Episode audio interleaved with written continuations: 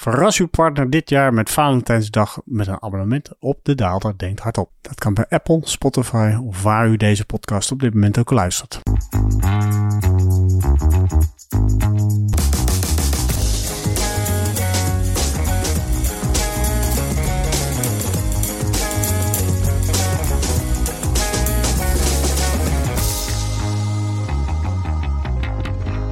En daar zijn we weer, de Daler Denkt Hardop, editie nummer 47. Klopt dat? Ja, 47. Opgenomen op 7 februari 2023. Ik heb een hele hoop op mijn lijstje staan, inclusief de terugkeer van de Dodo Financial Conditions Index, wat je eraan hebt en wat je er niet aan hebt. De Baltic Dry Index, laat ik die er ook nog eventjes bij gooien. En dan voor de rest hebben we natuurlijk nog de podcast van de week. En laten we vooral de financiële markten zelf niet vergeten. Kortom, ik heb meer dan genoeg onderwerpen. Dus ik ben ook erg blij dat het wifi-probleem wat ik de afgelopen twee weken heb gehad, eh, is opgelost. Overigens zat dat nog wel de nodige voeten in aarde. Ik heb de nodige tijd aan de telefoon gehangen met mijn wifi-provider. Die na enige zuchten en steunen tot de conclusie kwam dat er inderdaad iets mis was. Nou, toen moest ik een afspraak maken met een monteur. Dat gesprek vond op woensdagavond plaats. De eerste volgende monteur die beschikbaar was, was pas zaterdagochtend. Nou ja, dan zit je opeens twee dagen zonder wifi. Wie overigens denkt dat dat tot grote spanningen in de familie Daalder zou hebben geleid. Helaas, of nou helaas, ik weet niet of je dat het juiste woord is. Niets van dat al. Wij zijn eigenlijk getraind om in de zomervakantie altijd alle apparatuur, nou niet in te leveren, maar in elk geval uit te zetten. Dus wij doen eigenlijk zes weken van de zomervakantie van de kinderen doen wij standaard niet aan schermen. En dat was eigenlijk heel erg duidelijk zichtbaar. Want op het moment dat wifi eruit lag, pakte iedereen braaf zijn boek en ging een boek zitten lezen. Overigens hebben we natuurlijk ook nog wel een film zitten kijken op zo'n oud, ja, hoe heet dat? Uh, Zo'n zo'n schijfje wat dan ronddraait zonder dat je het ziet. Een DVD. Dus we zijn de periode uiteindelijk goed doorgekomen. Zaterdagochtend kwam vervolgens de monteur die inderdaad concludeerde dat er in de wijkkast een schakelaar verkeerd stond. Ja, daar konden wij natuurlijk niks aan doen. Sinds die tijd draait wifi hier als een zonnetje. Even afkloppen natuurlijk, maar het lijkt erop dat mijn technische problemen daarmee achter de rug zijn. Tot zover de couleur lokaal. Laten we snel beginnen. Mocht u nog vragen hebben, vraag ze bij vraag.daalder.blackhawk.com. Altijd welkom. Opmerkingen, suggesties zijn zeker ook welkom. En daarmee beginnen we met de podcast. Nou, nu ik het toch over mijn brave kinderen heb gehad. Ik heb deze week in het FD juist een column geschreven over nukkige pubers. Waarbij ik stelde dat de markt in dit geval de nukkige puber was. Die niet wilde luisteren naar zijn ouder. In dit geval Powell. Maar het had net zo goed ook Lagarde kunnen zijn. Want vorige week hebben we natuurlijk twee centrale banken. Eigenlijk drie, want de Bank of England is ook nog met een rentebesluit naar buiten gekomen. Er waren in elk geval twee centrale banken die naar buiten kwamen. Met een hele duidelijke boodschap. Jongens, die rente die gaat verder omhoog. Echt, geloof ons nou. Luister nou. En vervolgens zag je in beide gevallen dat de markt zei, eh, dacht het niet. We geloven er niks van. Die rente die gaat binnenkort pieken. En sterker nog niet alleen pieken. Vervolgens gaat die rente ook vrij snel weer naar beneden. Ik geef ook gelijk toe dat een deel van het probleem te danken was aan met name de performance van beide ouders. In dit geval de Powell en Lagarde. Beide gevallen leken ze in hun perscommunicatie, dus in geval in de persbericht, nog heel erg stellig te zijn. De rente gaat omhoog, blijft hoog. jongens, kijk uit. Maar op het moment dat de persconferentie begon, zag je eigenlijk een ja, toch wat wijfelende boodschap. Onduidelijke signalen of tegenstrijdige signalen, waarbij met name het woord disinflatie, dat door Powell maar liefst elf keer genoemd werd door de Amerikaanse markt, werd opgevat als, ah, zie je wel, wij hebben toch gelijk. De puber had het gelijk aan zijn zijde. Het gevolg was dat financiële markten weer een behoorlijke stap omhoog zetten. Woensdag zagen we een stevige rally in aandelen. Donderdag werd dat gevolgd door ook een hele sterke daling van met name de Europese kapitaalmarktrente. Ook dat was in weerwil van de boodschap die Lagarde had gegeven. Waarbij ook short covering waarschijnlijk een belangrijke rol heeft gespeeld name hedgefunds zaten niet goed gepositioneerd. Die verwachten eigenlijk dat er een nieuwe correctie aan zat te komen, zowel in aandelen als in obligaties. Nou, dat kwam niet uit. Op een goed moment kom je op een pijnpunt en dan moet je die posities ook af gaan bouwen. En dat is dus eigenlijk vorige week gebeurd. Juichende stemming woensdag, donderdag en dat ging natuurlijk mis op vrijdag toen vervolgens de nieuwe cijfers voor de Amerikaanse economie werden bekendgemaakt. Het aloude payroll report liet zien dat er meer dan een half miljoen Amerikanen een baan gevonden hadden, netto in januari. Veel meer dan verwacht. De consensus zat op iets van 200 nog wat. En de ISM Services Index, zeg maar de stemmingsindicator onder de dienstensector, de inkoopmanagers van de dienstensector, ook die liet een onverwachte sterke comeback zien. van 49 naar 55. Met name gedreven door een sterk herstel van de orders. Weg was de angst van de harde landing. Weg was zelfs de angst voor een softe landing. Inmiddels heeft niemand het meer over een landing, maar hebben we het over een lift-off. Wellicht positief vanuit een groeiperspectief, maar uiteraard negatief als je juist probeert de inflatie onder controle te krijgen. De arbeidsmarkt is krap, niet alleen in Amerika, maar ook in Europa. Loonstijgingen liggen op de loer en daarmee hou je een inflatieprobleem. En dus inderdaad leek het achteraf gezien dat de Fed toch gelijk had. Hadden we nou maar met z'n allen geluisterd. Dus vanaf vrijdag zag je eigenlijk de correctie. Als je nu kijkt naar wat er op de borden staat, verwacht de markt inderdaad, de rentemarkt in Amerika inderdaad, dat de rente verhoogd zal worden tot boven de 5%. En ook het enthousiasme over een snelle renteverlaging is duidelijk naar de wat langere termijn verschoven. De Amerikaanse tweejaarsrente steeg in twee handelsdagen met 35 basispunten. Toch echt een stevige uitschieter, ook in historisch perspectief. En ook de 20 basispunten rentedaling die je in Europa zag, de kapitaalmarktrente in Europa, die daalde van 2,3 naar 2 0,1%. Die werd de twee handelsdagen daarna weer volledig teniet gedaan. There and back again, zoals je zou kunnen zeggen. Nou, veel volatiliteit dus, met name in de rentemarkt. Ik moet zeggen dat gegeven die volatiliteit en ook gegeven de aanpassing van met name de korte kant van de curve in Amerika, vind ik het met de correctie in aandelen eigenlijk nog wel meevallen. Dat kan je op twee manieren interpreteren. Enerzijds, nou, aandelenmarkten liggen er gewoon goed bij. Kapitaal is nog steeds op zoek naar rendement. Het rendement ziet er nog steeds gunstig genoeg uit voor beleggers om erin te stappen. Anderzijds, naar analogie van de nukkige puber, kan je natuurlijk ook stellen dat de aandelenmarkten nog steeds in denial leven. Het inflatieprobleem is nog niet opgelost. De korte rente zal waarschijnlijk verder omhoog moeten. Wordt vervolgd. Nou, dat is een mooie overgang naar de podcast tip van deze week. Het was eentje weer van de serie Oldlots. Oldlots is een productie van Bloomberg. En in dit geval kwam een Victor Schwetz aan het woord. De titel van de podcast luidt Victor Schwetz declares victory for Team Transitory and the Soft Landing. Nou, het mag duidelijk zijn dat die podcast opgenomen was voor het payroll report en ISM-cijfer. Want om nu al de overwinning ten aanzien van inflatie uit te roepen, lijkt me rijkelijk vroeg. Het is een eh, podcast met veel tempo erin, dus je moet echt een beetje opletten wat hij allemaal zegt. En wat voor verbanden hij eigenlijk veronderstelt. Ik ben het ongeveer met, nou laten we zeggen, 85% van de uitlatingen volstrekt niet eens. Echt totaal lijnrecht tegenover hetgeen wat hij zegt. Een simpel voorbeeld is, vergrijzing leidt volgens hem tot disinflatie. Nou, dat is een fabeltje wat al een tijdje de ronde doet. Althans, er zijn aanhangers van die theorie. Er zijn minstens net zoveel aanhangers die tegenovergestelde beweren. Dus om daar maar gewoon aan te nemen, oh, vergrijzing, dus disinflatie. Dat gaat mij echt wat te kort de bocht, maar dat maakt niet zoveel uit. Ik hoef ook niet alleen maar te luisteren naar podcasts waar ik het mee eens ben. Sterker nog, ik luister eigenlijk liever naar podcasts waar ik het niet mee eens ben. Dat ik dan geprikkeld word en denk van ja, daar ben ik het niet mee eens. Dan dat ik alsmaar gewoon meeblaat met de rest en denk, oh ja, zie je, we zijn het allemaal met elkaar eens. Nou, dit is een typische gevalletje van hier ben ik het heel vaak niet mee eens desondanks, hij komt met aardige argumenten. Dus luister ernaar. Het is niet een tip om eh, een afzeiktip. Het is een serieuze tip. Ik zou zeggen, luister daar. Misschien kunt u er meer mee dan ik. Een van de interessante opmerkingen die hij bijvoorbeeld maakte was dat er toch wel een vreemde ontwikkeling gaande is in de grondstoffenmarkten. Het gaat hier allemaal om de heropening van China, die zeg maar vanaf november begon te spelen. In november had je nog de protesten. Vervolgens kwam de inkeer van de autoriteiten om COVID los te laten. Waar de financiële markten vrij positief op gereageerd hebben.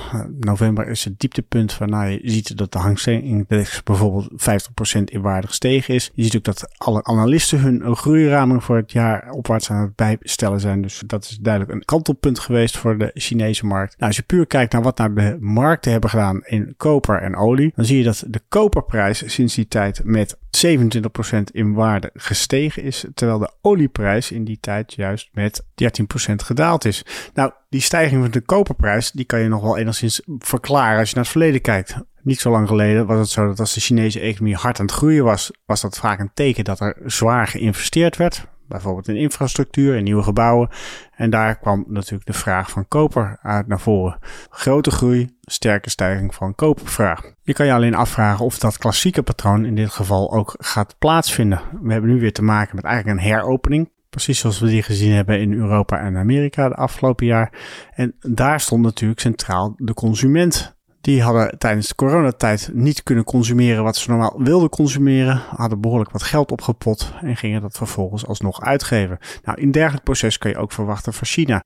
De groeiimpuls komt in dit geval van de consument, niet van de investeringen. En dat betekent eigenlijk dat je kan verwachten dat het niet de koperprijs is, de kopervraag is die sterk zal stijgen, maar juist de olieprijs. We willen weer allemaal gaan reizen, we stappen allemaal weer in het vliegtuig en daarmee is het met name juist de olievraag die hiermee veel sterker kan reageren dan de kopervraag. We moeten natuurlijk altijd even afwachten wat het uitkomt, maar ik vond het op zich wel een redelijk goede analyse. Kortom, luister die podcast. Overigens kreeg ik vorige week via Twitter ook nog een advies om zelf een andere podcast te luisteren. Naar aanleiding van een oproep die ik zelf gedaan had. De perfecte podcast. Dat gaat eigenlijk over Suskus en Wiskus. Het is nou niet bepaald het onderwerp waar ik echt heel erg warm van word, moet ik toegeven. Ik heb weliswaar een hele plank vol Suskus en Wiskus staan, maar dat is meer vanuit mijn jeugd. En sinds die tijd lees ik het ook eigenlijk helemaal niet meer. Ik heb een paar afleveringen geluisterd. Ik vond de aflevering de dochter Helena van der Steen wel erg interessant. Maar toen ik op een gegeven moment bij allerlei Crimson tapes terecht kwam, haakte ik toch al snel af. Was mij net iets te ver van mijn bed. Maar goed, bij deze, mocht je geïnteresseerd zijn in Suskus en Wiskus, zeker een aanbeveler.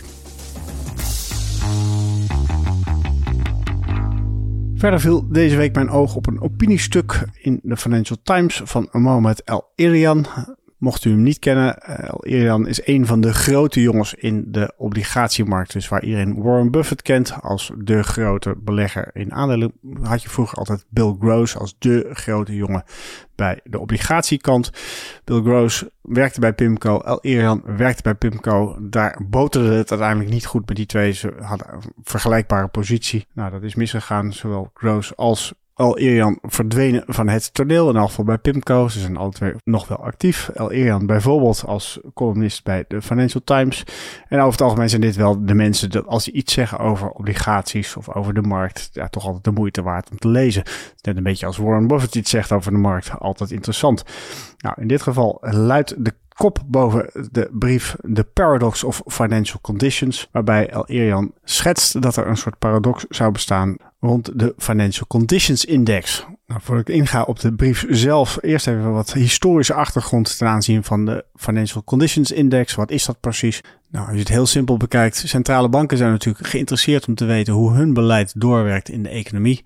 En van oudsher kijken we dan naar de rente in eerste instantie gingen we natuurlijk alleen naar de beleidsrente kijken. Maar goed, dat is niet de enige variabele die daarmee beïnvloed wordt. Op het moment dat de korte rente verhoogd wordt, zie je dat de lange rente ook stijgt. En dat heeft dan vervolgens weer gevolgen voor de economie. Denk hierbij bijvoorbeeld aan de signaalwerking van de inverse yield curve. Op het moment dat de korte rente hoger ligt dan de lange rente, wordt dat doorgaans gezien als een redelijke indicatie dat er een recessie aan zit te komen in Amerika.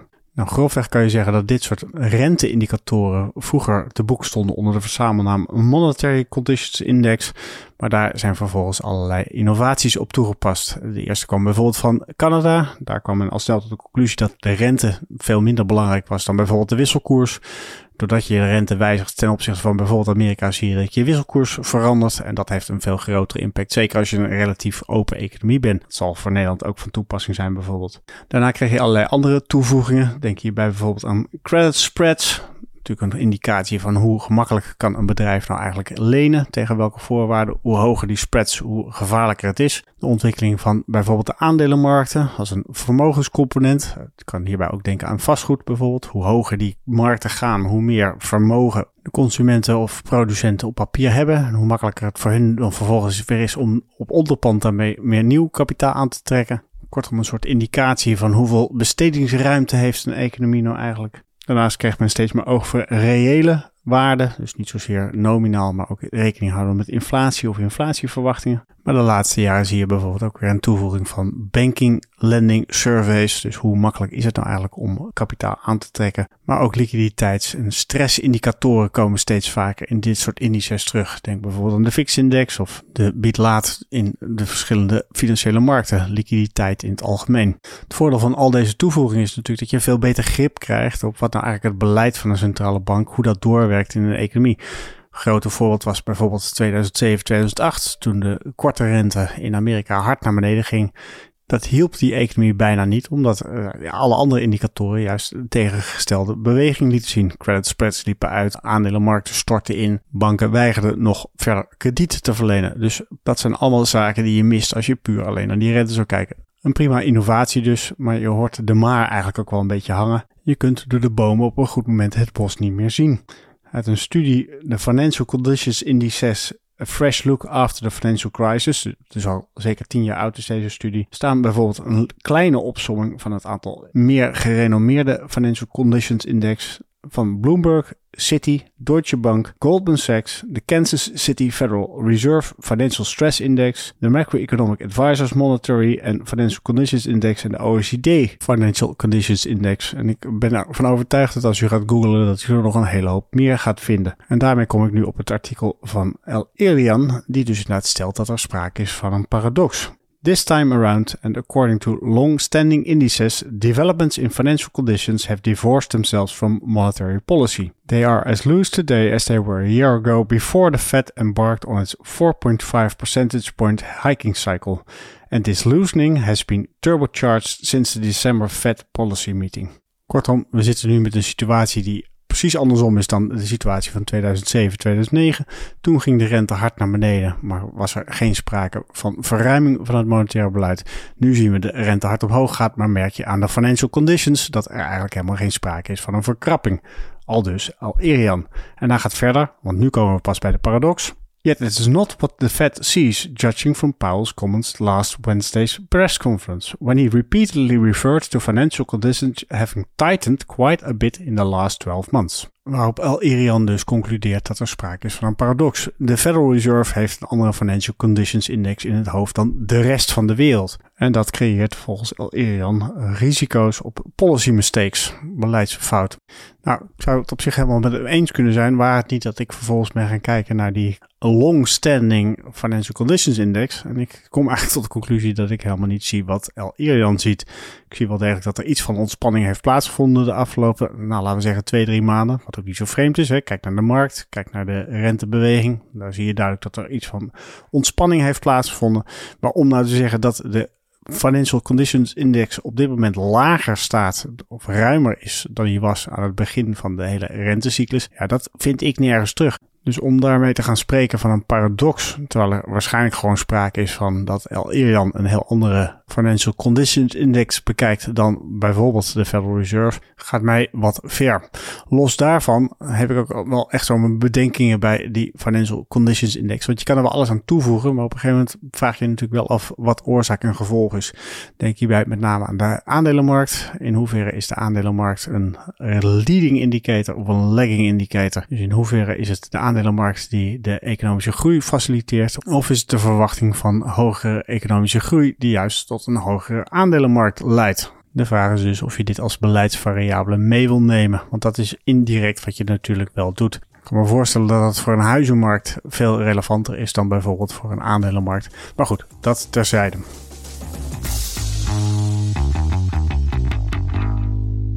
Nou had ik me zo voorgenomen om deze week eens een keer een iets kortere versie van de podcast uit te sturen. Dus niet 20 minuten, maar vlak daaronder. En nu zit ik alweer bij de 18 minuten en ben ik nog steeds niet bij het leukste onderwerp gekomen. De dodo. En dan laat ik de Baltic Dry Index voor deze week nog maar even liggen. De dodo. Ja, ook wederom een artikel in de Financial Times. Dus nu denken jullie waarschijnlijk dat ik alleen maar de Financial Times lees. Nou, niks is minder waar. Maar goed, dit vond ik wel een heel erg interessant artikeltje. Zo wist ik niet dat de dodo een afleiding was van het Portugese woord duodo, wat fool betekent. Als ik de Engelse vertaling in elk geval mag geloven. En dat vooral omdat het beest niet kon vliegen en een zeer makkelijke prooi was voor zeer hongerige zeevaarders. Met de bekende gevolgen van dien dat het beest niet meer bestaat. Nou, het goede nieuws is nu dat er een serieuze poging wordt gedaan om hem weer tot leven te wekken. Vorige week was er een funding round waar men 150 miljoen dollar uit de markt trachtte te halen. Nou, dat was geen enkel probleem. Er werd meer dan dat ingeschreven. Dus bij deze is het project officieel van start gegaan. Overigens is het niet zo dat het een perfecte kloon wordt van de dodo, maar eerder een kruising tussen een dodo en een Nicobar. Wat een soort kleurrijke wandelende duif is. Maar dat kan de pret voor de rest niet drukken. Het feit dat er 150 miljoen zonder problemen uit de markt kan worden gehaald, geeft wat mij betreft aan dat de financiële condities voor, ja, laten we zeggen, mad science projects nog steeds redelijk gunstig erbij ligt. Hoog tijd dat de Federal Reserve hier een einde aan maakt door de rente wat verder te verhogen. En daarmee kom ik zelf ook aan het einde van deze podcast. Vragen nog steeds welkom bij vraag.daalder.blackrock.com. Abonneer je, dat vooral. En ik spreek u dan volgende week weer. Tot volgende week.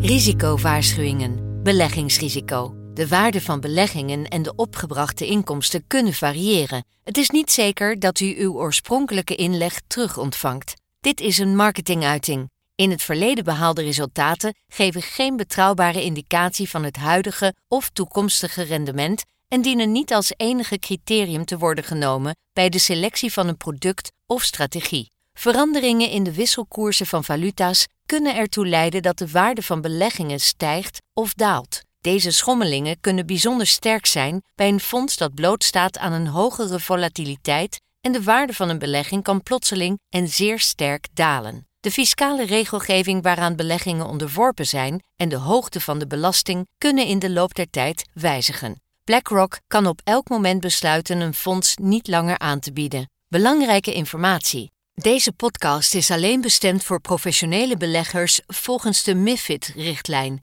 Andere personen dienen niet op de hier geboden informatie te vertrouwen. Deze podcast is uitgegeven door BlackRock Netherlands BV, dat een vergunning heeft verkregen en onder toezicht staat van de Nederlandse Autoriteit Financiële Markten. Officiële zetel Amstelplein 1 1096 HA Amsterdam. Telefoonnummer 020 549 5200. Ingeschreven in het handelsregister onder nummer 170 Om u te beschermen worden telefoongesprekken doorgaans opgenomen. Alle in deze podcast vermelde researchgegevens zijn verstrekt door BlackRock en kunnen door BlackRock inmiddels voor eigen doeleinden gebruikt zijn. De resultaten van dergelijke research worden slechts incidenteel verstrekt. De hier geuite visies vormen geen beleggingsadvies en kunnen aan verandering onderhevig zijn. Ze weerspiegelen niet altijd de gezichtspunten van een bepaalde onderneming binnen de BlackRock-groep of van een afdeling daarvan en de juistheid ervan kan niet worden verzekerd. Deze podcast is uitsluitend bestemd ter informatie. Het vormt geen aanbod of uitnodiging om te beleggen in een van de fondsen van BlackRock en is niet opgesteld in verband met een dergelijk aanbod. Copyright 2023 BlackRock Incorporated. Alle rechten voorbehouden. BlackRock is een geregistreerde handelsnaam van BlackRock Incorporated en haar dochterondernemingen in de Verenigde Staten en daarbuiten. Alle andere handelsnamen zijn van de respectievelijke eigenaren. Deze podcast mag niet worden verspreid zonder toestemming van BlackRock.